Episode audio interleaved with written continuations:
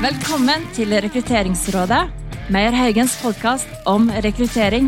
Dette er podkasten hvor vi samler dyktige fagpersoner for å diskutere hvordan vi kan gjøre rekruttering bedre.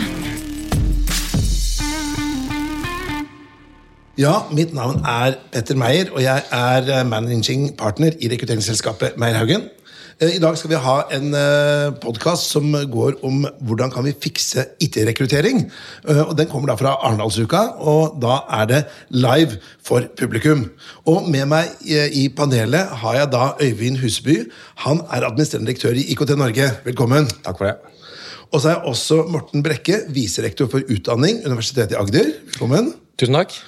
Og så har jeg da min co-founder eh, Sverre Haugen. Du er partner og leder for innovasjon i Meierhaugen. Velkommen til deg også. Det er riktig. Og så er jeg en teknolog har jeg lyst til å legge til da, i denne settingen. Ja, det er relevant. relevant. Du, Temaet i dag er hvordan vi kan fikse IT-rekruttering. Og Noen syns kanskje det høres litt smalt ut, men hvorfor er det et viktig eh, tema, Sverre? Nei, jeg tror ikke det er å overdrive hvis vi sier at det å rekruttere innenfor IT-domenet i dag er vanskeligere enn det har vært noen gang. Det er kjempestore utfordringer, og det er et hinder for vekst for veldig mange organisasjoner. Før så var det jo IT-selskapene som krangla om de skarpeste hodene, og nå er det alle organisasjoner som slåss om de samme. Og det er ganske enkelt ikke nok folk. For Vi møter jo det i vår rekrutteringshverdag, at eh, IT-folk det er Kunne man trykket opp IT-folk, så hadde man vært eh, milliardær i Norge. Men det, det, jeg føler at um, det er som å være på konsert. da.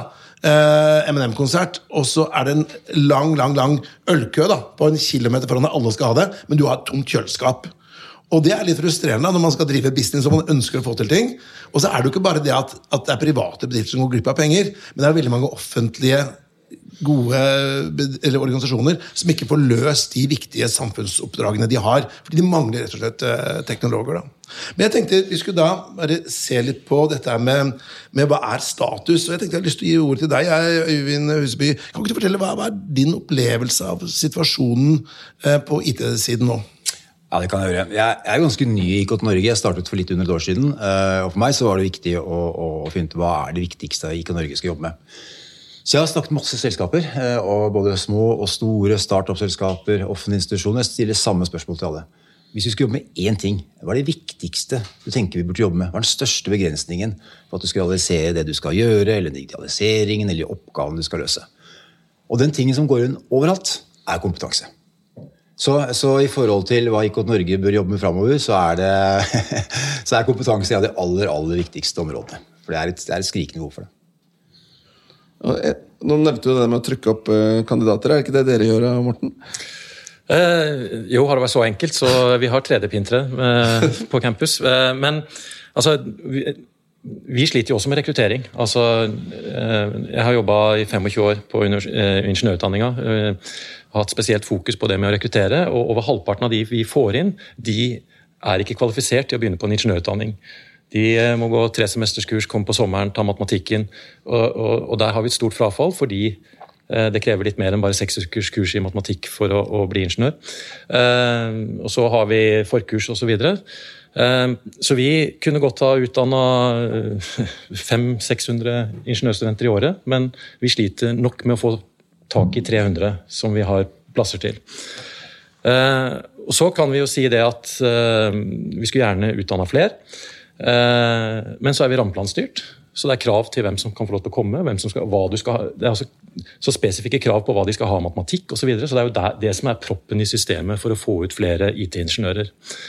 Eh, spesielt på data så eh, er det utrolig mange talenter som ikke får bachelorgraden sin fordi de stryker i statistikk eller matematikk.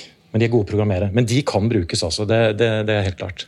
Men da, Jeg må bare kommentere, da, fordi jeg så en sånn eh, jodel-feed her, hvor det var noen som sa da, ikke sant? Nok en vakker dag hvor jeg ikke fikk bruk for diktanalyse og Pythagoras. Så Et relevant spørsmål da, fra næringslivet som en representant for næringslivet det er jo, ikke sant, Trenger man statistikken og matten?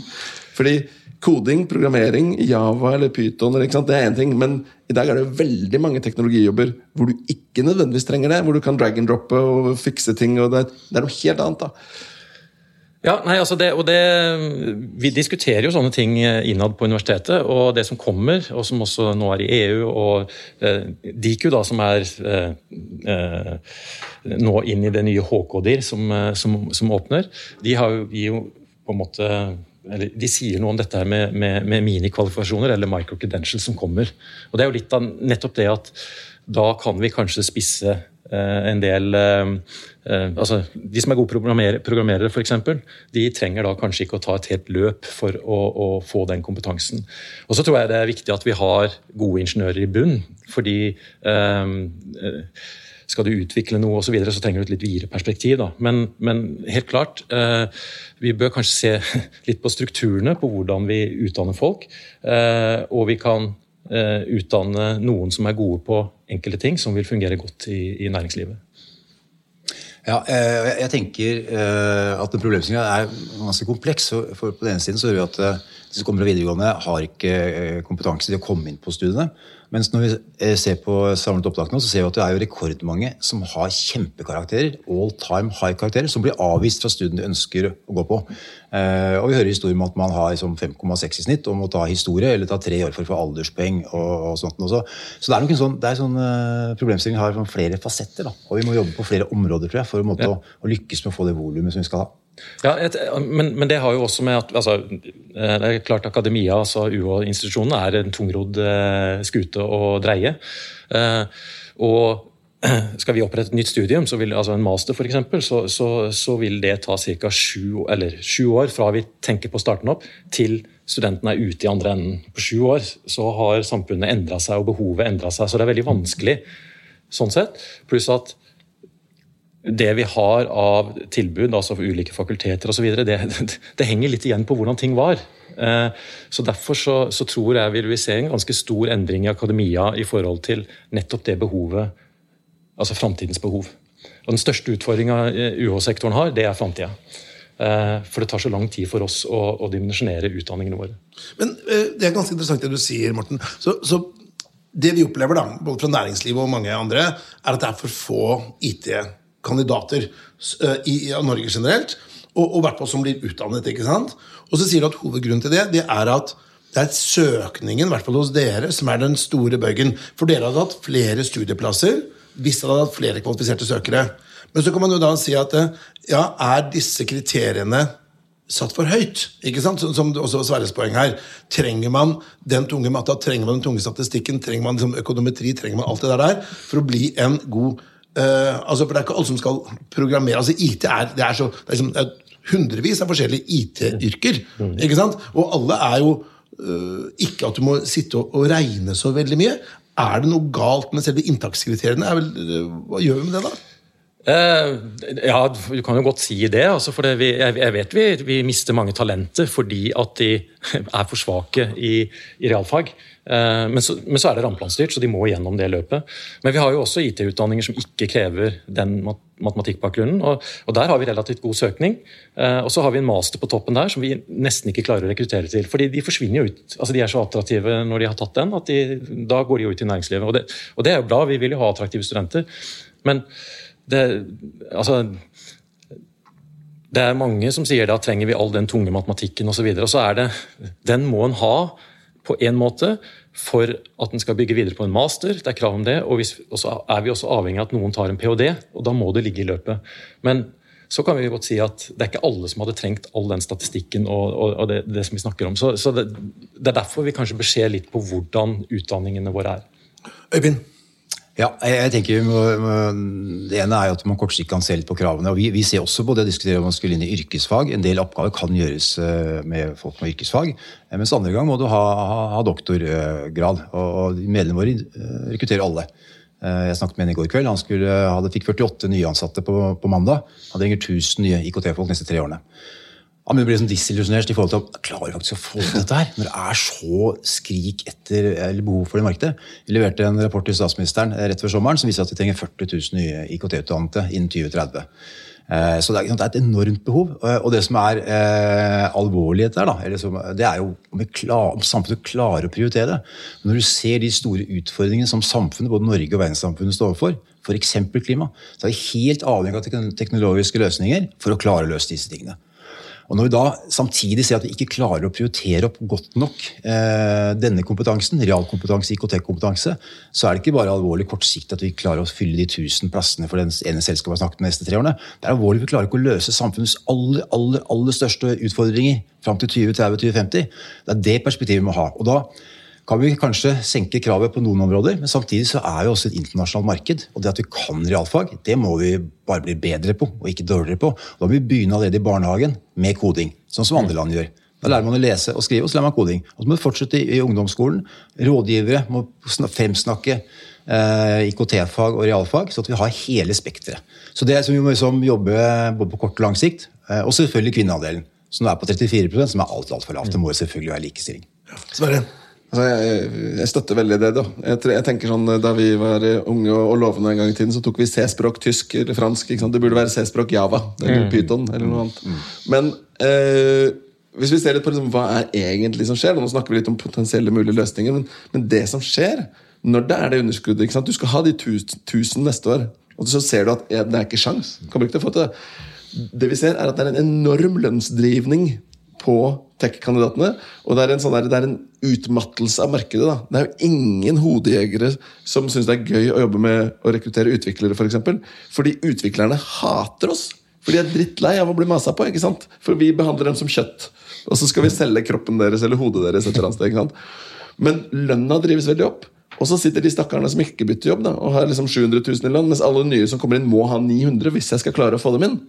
Og, da, og det er et kjempeproblem også inn i næringslivet. ikke sant? Og så tror jeg ikke løsningen Jeg tror En del av løsningen kan være å dytte ut flere flinke studenter hos deg, Morten, men det er ikke nok, og det går ikke fort nok. Så spørsmålet er liksom, kan man klare å upskille, få på plass nye måter å få folk gode nok da, på? Ja, jeg, jeg, tenker at uh, det, noe, har, noe, godt som har kommet ut av pandemien, er, er Kompetanse Norge og, og Diku. Uh, uh, de har jo lyst ut eh, jeg tror det er nærmere 200 millioner til eh, arbeidsretta eh, kurs som kunne settes raskt i gang. Vi starta 30-40 kurs som vi bygde opp fordi vi fikk finansiering til å gjøre det. I samarbeid med næringslivet. Det var et krav om at næringslivet i området sa at dette er behov før vi kunne starte opp. Og det er jo også noe vi må tenke på. altså Omstilling av de som allerede er ute. Uh, og det, Da snakker vi om livslang læring, som er en sånn, uh, som har kommet uh, en NOU fra departementet. Altså vi, vi, er nødt til å omstille en del av de som allerede er der ute. og det må vi jo gjøre ved at vi, vi UH-sektoren f.eks. kan gi kurs som ikke vil koste for mye for bedriftene. Altså, de er jo ute i jobb osv., så, videre, så det er noe med finansieringen der også, at de får, eh, kan få det gratis. Ja, eh, det er flere ting å diskutere. Ta det ene ting ene først, og det er jo hva vi har lært gjennom pandemien i forhold til mulighetene å effektivisere mm. utdanning på en helt annen måte. Tenk digitalt først, og så mm. legg på med, med labøvelser og, og samling i tillegg. Så Istedenfor at en lærer underviser 50, så kan det gjerne være 500 eller, eller 5000. Eh, men tenk på en helt annen måte eh, etter det vi har lært på pandemien. Det er én ting. En annen ting er jo strukturen i samfunnet. Norge er nummer én i Europa på antall offentlig ansatte. Og vi ser at de offentlige institusjonene eh, er en av de største rekruttererne av, IKT-ansatte. Du alltid har 700 stykker i sin IT-avdeling. Så, så, så, så, det er jo sånn øh, de rekrutterer. Og man må jo ha IKT-kompetanse i det offentlige. Det er helt avgjørende. Spørsmålet er hvor langt den skal gå. Så istedenfor at Altinn eh, utvikler én løsning for Norge, så hadde det vært et eget selskap. Så kunne det vært en av Norges største eksportartikler til alle andre land. Uh, for vi trenger også eksportinntekter også. Og det blir ikke ved å, ha verdiskapning i det offentlige. Eh, så Det er også en sånn debatt akkurat rundt det temaet her, rundt ressurser på IKT, om eh, hvilke, hvor langt det offentlige skal gå på anstedet selv, og, hva man skal bruke eh, IT-industrien på å utvikle av løsninger. Men et spørsmål er jo at Dette problemet er jo ikke bare for Norge. Når man leser både rapporter fra OECD og andre land, så er det jo hele hva skal vi si, OECD-området er jo skrikende mangel etter IT-folk. Og sånn som På begynnelsen av 2000-tallet så var det mye helsearbeidere man hadde problemer med å få tak i Norge. Men de var mer sånn særnorsk for menn, som man importerte fra Finland og Sverige. Det, og Tyskland. Det kan man jo ikke i dag, for alle land mangler jo disse folkene. Men hvordan løser USA og, og Tyskland og Israel og, og, Russland disse utfordringene her? da? Hva, hva, kan, vi, kan vi lære noe av andre land? Ja, De har jo eh, stadig større utfordringer, de også. Det er en av bekymringene vi også har. at Tidligere så kunne vi jo tiltrekke oss arbeidskraft også på IKT til Norge. Men ser vi at de andre landene òg har jo eh, en skrikende mangel på IKT-kompetanse og legger veldig gode rammebetingelser for bedrifter for å etablere seg der. Eh, så, og Det er jo mange aspekter med, med IKT. En er jo å løse de store utfordringene i forhold til klima osv. En annen ting er jo cybersikkerhet. Amerikanske myndigheter har 920 000 ansatte på cybersikkerhet, men de har 520 000 ledige stillinger. Så klart de jo, Det er jo store tall og mye utfordringer i utlandet også, eh, som jeg tror gjør at Norge må tenke eh, at vi må ha et mye mer eh, konkurransedyktig næringsliv og konkurransedyktige arbeidsplasser, så vi faktisk klarer å tiltrekke oss utenlandsk arbeidskraft, eh, sånn som vi gjorde tidligere, men som nå har blitt tøffere fordi det er enda mer større etterspørsel etter den arbeidskraften og sånne steder. Hvis man ser på lønninger, da, så ble jeg gjort oppmerksom på at mange syns at disse IT-folkene tjener så høyt i Norge. Så ble jeg gjort oppmerksom på hva er lønningen til en, en Java-utvikler med ti års erfaring i USA? som skal jobbe på Google, Når de lyste ut stillingene i USA, så er det fra 200 000 dollar og oppover. Ikke sant? Altså to millioner kroner. Dette er, for, dette er ikke en leder, dette er en, en, en, en teknolog da, med ti års erfaring. Og det er jo da nesten dobbelt så høy lønn som i Norge. da. Men, men der, det, det, som er interessant med det, er at den modenheten har nok ikke kommet til Norge ennå. Jeg tror ikke folk, eller bedriftene og organisasjonene har skjønt liksom, verdien av IT-kompetanse på det nivået der. Så du ser på, Det er mye større vilje til å betale f.eks. oss som er rekrutteringsselskap en høy pris for å finne en leder en eh, CEO eller en økonomidirektør. Det får vi godt betalt for. Og det øyeblikket vi sier at ja, du skal ha en utvikler eller en arkitekt, systemarkitekt, ja, men det er faktisk dyrere. For det er mye, mye, mye vanskeligere. Den modenheten er ikke der ennå. Jeg tenker I tillegg til det så viser det at vi skal jo erstatte oljearbeidsplasser, som har en helt enorm eh, verdiskapning per arbeidsplass. Mens nummer to så er det IKT-ansatte, som har nest mest verdiskapning også. Eh, så det tror jeg er noe vi må være klar over i forhold til hele prioriteringen. I tillegg til andre faktorer jeg sa i stad. At IKT er det som faktisk eh, totalt sett er det som vi får mest verdiskapning på.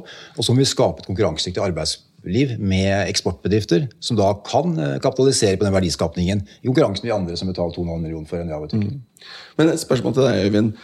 Jobber dere noe med å klare å kartlegge hvor og hva er egentlig behovet? Og så forandrer jo det seg fort. ikke sant? Du nevnte sju år fra du bestemmer et masterstudium til du er ferdig, første studenten er ferdig. Så vet vi at kompetanse, der jobber Innovasjon Norge med fem års halveringstid. sånn at Da er det liksom halvparten så mye verdt da, det du mm. Mm. putta inn i det masterprogrammet. Mm. Men det vi kanskje trenger, det er jo en kartlegging. Sånn, hva er det vi egentlig trenger? Er det RPA? Er det BI? Er det datavarehus? Er det Java-utviklere? Eller integrasjon? API-er? Ja. ikke sant? Ja. ja, vi, en, vi uh, leverte en stor rapport som sagt, da, til, eh, til, statsministeren før sommeren, hvor vi gikk sammen med fem andre organisasjoner hvor vi kartla nettopp på litt overordnet nivå hva slags kompetanse man faktisk trenger. Det, jo, det, det, du nevnte, var jo, jo mye, av som, mye, av det som, står der. Mm. Men det er jo også sånn generell IKT-kompetanse, digitaliseringskompetanse, er jo overalt i samfunnet. Og en kjempebekymring for meg er jo at ledes, leder, altså styrer, ledelse, både privat og offentlig, har ikke den kompetansen. Jeg hadde kronikk i går hvor jeg skrev at du kan ikke være leder uten å være IKT-leder. Og Du kan ikke sitte på Stortinget etter 13. september uten også å være IKT-politiker. Mm. For det har så stor innvirkning både på verdiskapning, på hvordan samfunnet skal utvikle seg, og for å være med på debattene. Så IKT-kompetanse er ikke bare Java-programmere, det er faktisk å forstå teknologien grunnleggende sett, og det starter på toppen. Ja. Jeg tenker at Eh, vi har jo da rekruttert til mye forskjellige bedrifter, eh, offentlige og private, og til og med en, sånn, en, en pub da, som skulle ha en utvikler. ikke sant? Så det er jo det som er det store, at Før så var det jo IT-bedrifter, som da skulle ha IT-folk. Og så var det banker, de skulle ha økonomer, og så var det eh, hoteller, de skulle ha eh, hotellansatte. da. Nå er det jo sånn at eh, Bankene er tilfeldigvis et, eh, en IT-bedrift som, som, låner ut penger. Og et eh, hotell er jo da en tilfeldigvis låner ut hotellsengen sin, men det er egentlig en IT-bedrift. Så, Men jeg tenkte vi skulle utfordre litt. Da. Hvis man da er en bedriftsleder da, og sier at jeg trenger IT-folk i to gode råd til en person som er leder i en bedrift. og lurer på hvordan skal jeg få tak i IT-folk i det norske markedet i dag. Hva må jeg gjøre? Eh, jeg har lyst til å begynne med deg, jeg, eh, Morten. Ja, eh, jeg har jo på en måte ikke tenkt så mye i de baner i forhold til hva, hva, jeg holder på med, men, men, men som, jeg er jo helt enig i det som har blitt sagt her, at Eh, nå kommer jeg rett fra en debatt hvor hele utdanningskomiteen eh, på Stortinget står, og, og det er en del ting de ikke skjønner eh, av det vi var inne på nå. ikke sant? Fordi de, de sier at dere må levere, dere må levere, dere må levere. Så er på en måte ikke det som gjør at vi kan levere, det er ikke fiksa. Og da er vi på en måte for oss da, bundet til, til det å kunne kanskje utdanne de eh, rette personene en trenger. Eh, og så tenker jeg det at eh, vi, og det, det, er noe som heldigvis har, har, kommet nå. Det er kommet en ny digitaliseringsstrategi som har tatt inn over seg en del av det vi snakker om nå. Men den er altfor detaljstyrt igjen. ikke sant? For da kommer det nei, Kunnskapsdepartementet som har gitt ut den nå. Eh, og Vi skal jo egentlig, vi skal gjøre alt, vi skal gjøre mye, men det kommer ingen penger. Det er også et issue dette. her. For skal vi klare å utdanne flere, så trenger også utdanningsinstitusjonene mer penger. Eh, det var kanskje ikke svar på det du spurte om, men, men jeg, altså jeg ville jo som, Hvis jeg kan komme tilbake da, som bedriftsleder, så ville jeg ha gått på f.eks. Altså, utdanningsinstitusjoner, om det er private eller ikke. altså Inn der, gå tidlig. Eh, på karrieredager som vi har, ikke sant, så det jo, kommer det jo bedrifter og ansetter studentene våre i første klasse. Eh, selv om de vet det er tre år til de kommer. Eh, men, men, men det er jo én måte hvor en kan få tak i på en måte få tak i folk. Og planlegge litt i forkant, for det tror jeg er faktisk et veldig godt råd. Å jeg trenger uh, 1000 i morgen. Mm. Det er en røff bestilling for rekrutteringsansvarlig i en bedrift. Mm. Men det du planlegger behovet ditt over noen år, mm. det, er, det, er, faktisk et veldig godt råd. Yes? Ja, altså Dette dreier seg om en ting, og det er ledelse. Du må skape den mest attraktive arbeidsplassen generelt sett. Ikke bare for IKT-ansatte, men for alle. Eh, det er kanskje blitt enda tydeligere gjennom pandemien. og Det er en annen stor diskusjon. At selskapet før som fikk en del gratis, for du hadde gratis kaffe. Du hadde, du hadde, et stammespråk og en kultur, og du måtte sitte på en arbeidsplass. og du hadde mye som du, som du fikk gratis i forhold til lojalitet i selskaper. Det er borte nå. Du har ikke lenger den samme kulturen, stammespråket, hvis du ikke har klart å etablere den digitalt. Så er en helt annen eh, forskyvning av, av, av makt til eh, enkeltansatte, som gjør at det er en helt annen krav til lederskap for å skape en attraktiv arbeidsplass. Og så ser du konkurransen. ikke sant? At det er verdens største bilselskap har ikke biler som Uber. og Verdens største hotellselskap har ikke hoteller. Og, og, og Fiverr, som, er, som, har 100 000 konsulenter som du kan kjøpe med høy kvalitet overalt, som ikke er et selskap. Så, så det er en helt annet krav til at du må ha en, en attraktiv arbeidsplass. Og da må du tenke hva er det som eh, tiltrekker seg nye mennesker. Eh, det er selvfølgelig fleksibilitet og frihet. En av de mest søkte ordene på annonsemarkedet på Finn var hjemmekontor eh, de siste månedene. Så hvis du ikke tilbyr hjemmekontor, og vi sier nei, du skal på jobben, ferdig med det, ja, ha det bra for mange. Så du, du, må tenke helt ut og være mye mer ydmyk som arbeidsgiver også, i forhold til at det er veldig stor etterspørsel etter det beste, og det er det beste du vil ha. De beste er ti ganger bedre enn nest beste for programmering, for Mm. Ja, og det, det, er litt interessant, for hvis du eh, tenker lønnsstrategi i Norge, så er den veldig stabla ikke sant? Så du betaler bare litt mer for en som er kjempegod. Mm. enn en som er, ja. Sverre, hva er dine gode råd til en bedriftsleder som da tenker ah, faderland, jeg skulle gjerne hatt, hatt noen uh, IT-folk her? Du, dessverre så er det jo ikke sånn at det fins ett eller to gode råd som løser den problemstillingen. Men jeg tror Øyvind er jo inne på noe som er helt spot on. Beste måten å bli god på rekruttering på, det er å ha et veldig bra selskap hvor folk trives og har det bra. ikke sant?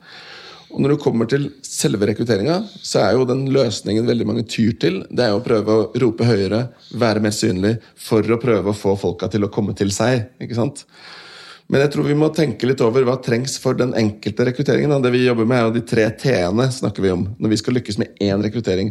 Timing, tilbud og tillit.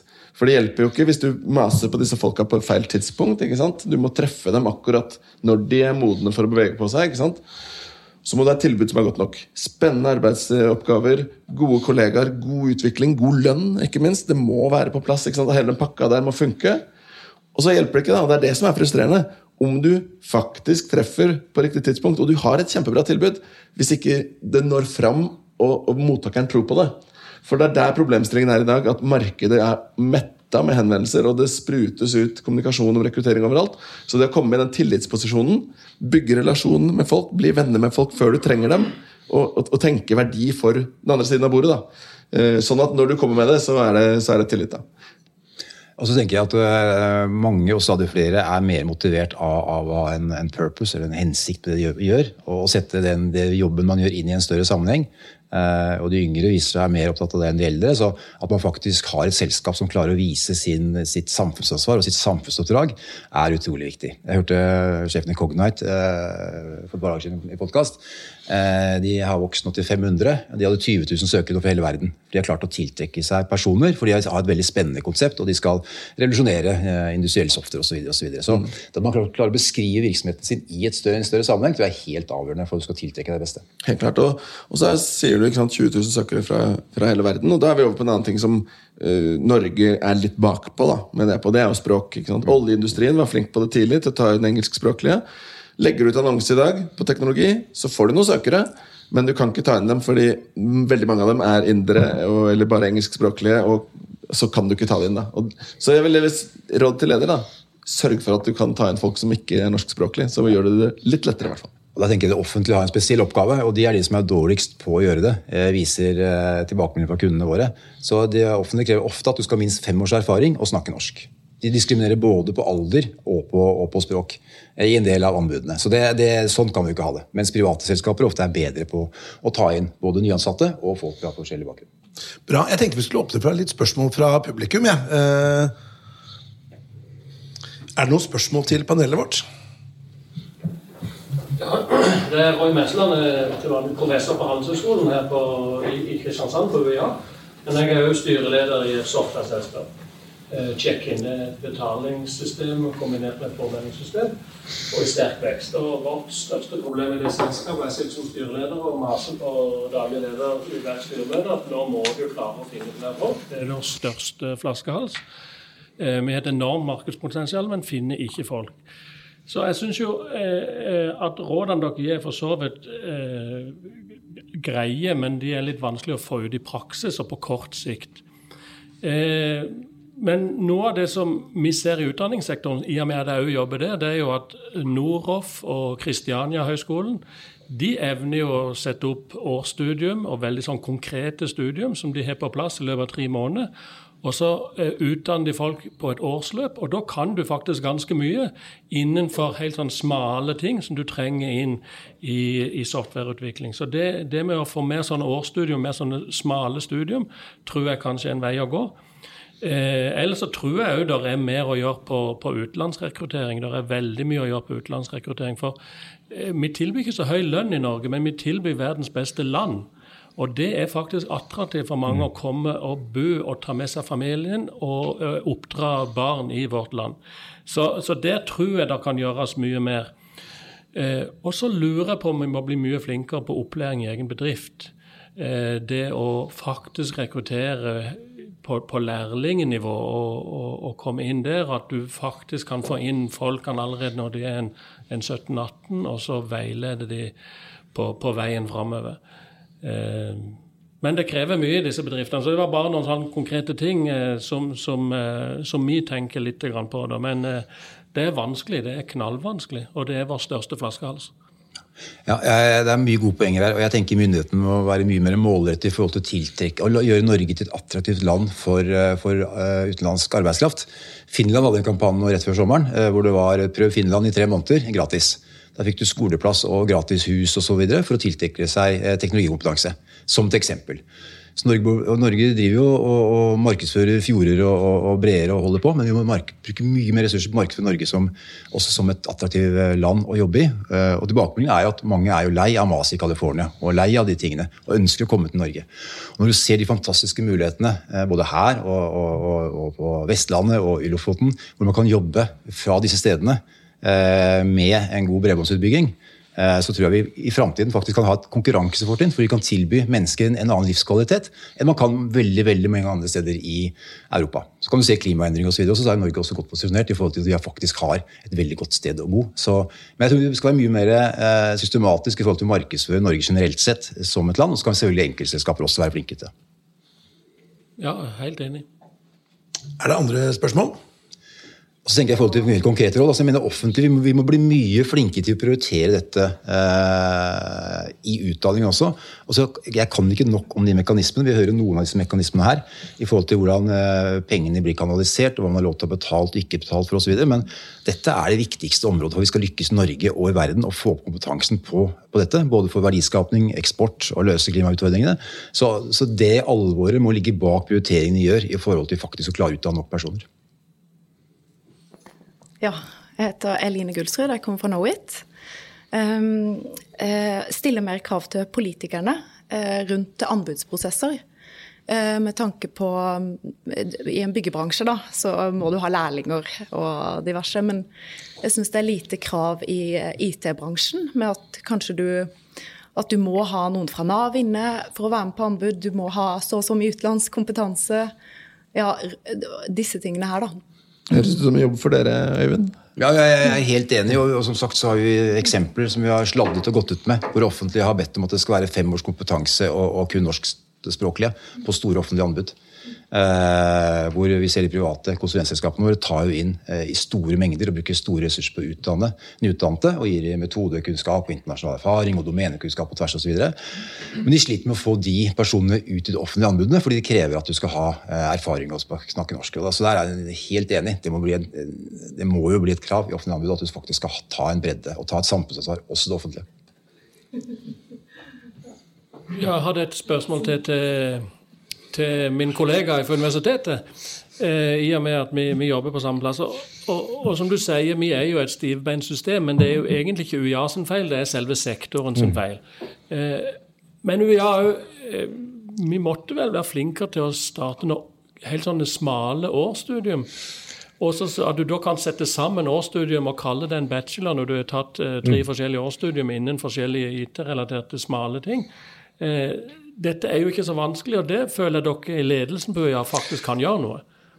Ja, det er helt eh, Og det, nå Dette er noe vi diskuterer og snakker, snakker om uh, hele tida. Og så er det sånn altså, vi, har jo, uh, vi har jo en finansieringsmodell som gjør at uh, vi blir premiert ved at folk blir ferdig med en bachelor på tre år.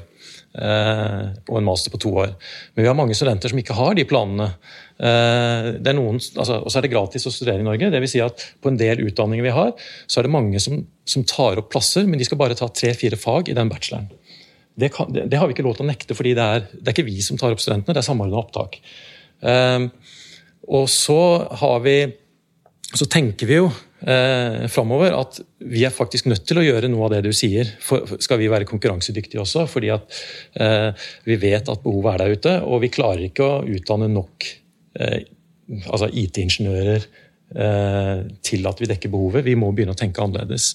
Eh, og så er det som du sier, vi, vi har studieforskrifter. Vi har, det er på en måte litt krav også hvordan du setter, en, setter, sammen en bachelor for å få en bachelorgrad. Det, det bestemmer ikke vi. Altså det, sånn at Politikerne må jo på banen her for å eh, løse opp i det, skal vi si, det stivbeinte systemet vi har for hvordan utdanningene, høyere utdanning er, er eh, Eh, rigga, da, hvis vi kan si det sånn. Så det har et veldig godt poeng. Eh, og så tror jeg Vi blir mye flinke til å samarbeide mellom akademia og næringslivet. Ja. Eh, og når du ser for på amerikanske universiteter, så Mange av de store tech-selskapene har jo blitt eh, grunnlagt i campusen på universitetene. Mm. Eh, og både at næringslivet kan være mer aktive i forhold til å være med på forelesning, men også i forhold til å, å diskutere hva slags eh, studie bør det være, eh, og hva slags kandidater er det næringslivet faktisk trenger også. Å jobbe mye tettere sammen i forhold til hvordan vi skal få til dette her. Og, og, og næringslivet og, medlemmene mine er, er, veldig klare for å bidra på dette området. Bra. Sverre? Det er jo Vi snakket litt om tips og råd uh, på rekruttering da, til uh, dere som skal få tak i disse folka. her, så er jo Et annet tips er jo å, å, finne gode, altså, finne samarbeidspartnere som faktisk funker. For Det som er veldig interessant innenfor IT-rekruttering, nå har vi snakket om hvor vanskelig det er. Det var før pandemien 400 selskaper som jobbet med rekruttering i Oslo. Det er tullete mange. ikke sant? Men hvor mange av dem spesialiserte seg på IT? en håndfull. Tre, fire, fem kanskje. ikke sant? Og hvorfor ikke det? Jo, fordi det er så vanskelig. Det er jo nesten uløsbart. ikke sant? Så trikset, eller tips da, det er finner du en god rekrutterer som faktisk funker på å rekruttere IT-folk, klamre deg fast til vedkommende. For det eneste som er vanskeligere å finne enn utviklere, det er folk som er flinke på å rekruttere utviklere. Bra. Ja, spørsmål? Ja, rundt um, Akkurat rundt det du sier nå, rundt samarbeid med eh, rekrutterere. Og, og vi, vi tar jo tester på alle som skal bli ansatt hos oss. Så det, eh, jeg savner egentlig at man kunne hatt mer samarbeid der. da. Så vi fikk personlighetstester av dere, og dere, vi hjalp dere kanskje med IT-testing. Ja. eller sånn. Da hadde vi jo gjort et bra team. Høres kjempespennende ut. Det må Ja. vi snakke mer om. Ja. Bra. Jeg tenkte vi skulle gå inn litt inn for landing der. jeg. Eh, ut, eller, sånn for å oppsummere litt debatten sånn fra mitt eh, ståsted, så er det jo det ene er at behovet for IT-folk er jo mye større i Norge enn det som er innholdet. Så det vil være en sånn storlek blant de, måte, de eh, selskapene som, som gjør seg uh, gildest. Da. Og den andre refleksjonen er rett og slett at eh, det er eh, å se litt nytt, da, både i forhold til kompetanse, både på inntak til studier, men også at man tenker folk som er autodidakter, da, altså folk som er, er selvlærte tenker kanskje å markedsføre Norge som land, eh, og også da prøve å kanskje ta inn eh, noen lærlinger og, folk som er litt yngre i bedriftene sine, og at de da kan eh, være med å lære litt og, bidra, kanskje ikke på en hel stilling, men 20-25 eh, så får man alle måneder da. Men tusen hjertelig takk til panelet. Øyvind Huseby, administrerende direktør i IKT Norge. Morten Brekke, viserektor for utdanning ved Universitetet i Agder. Og Sverre Haugen, partner og leder for innovasjon i Meierhaugen. Og takk også til dere i salen.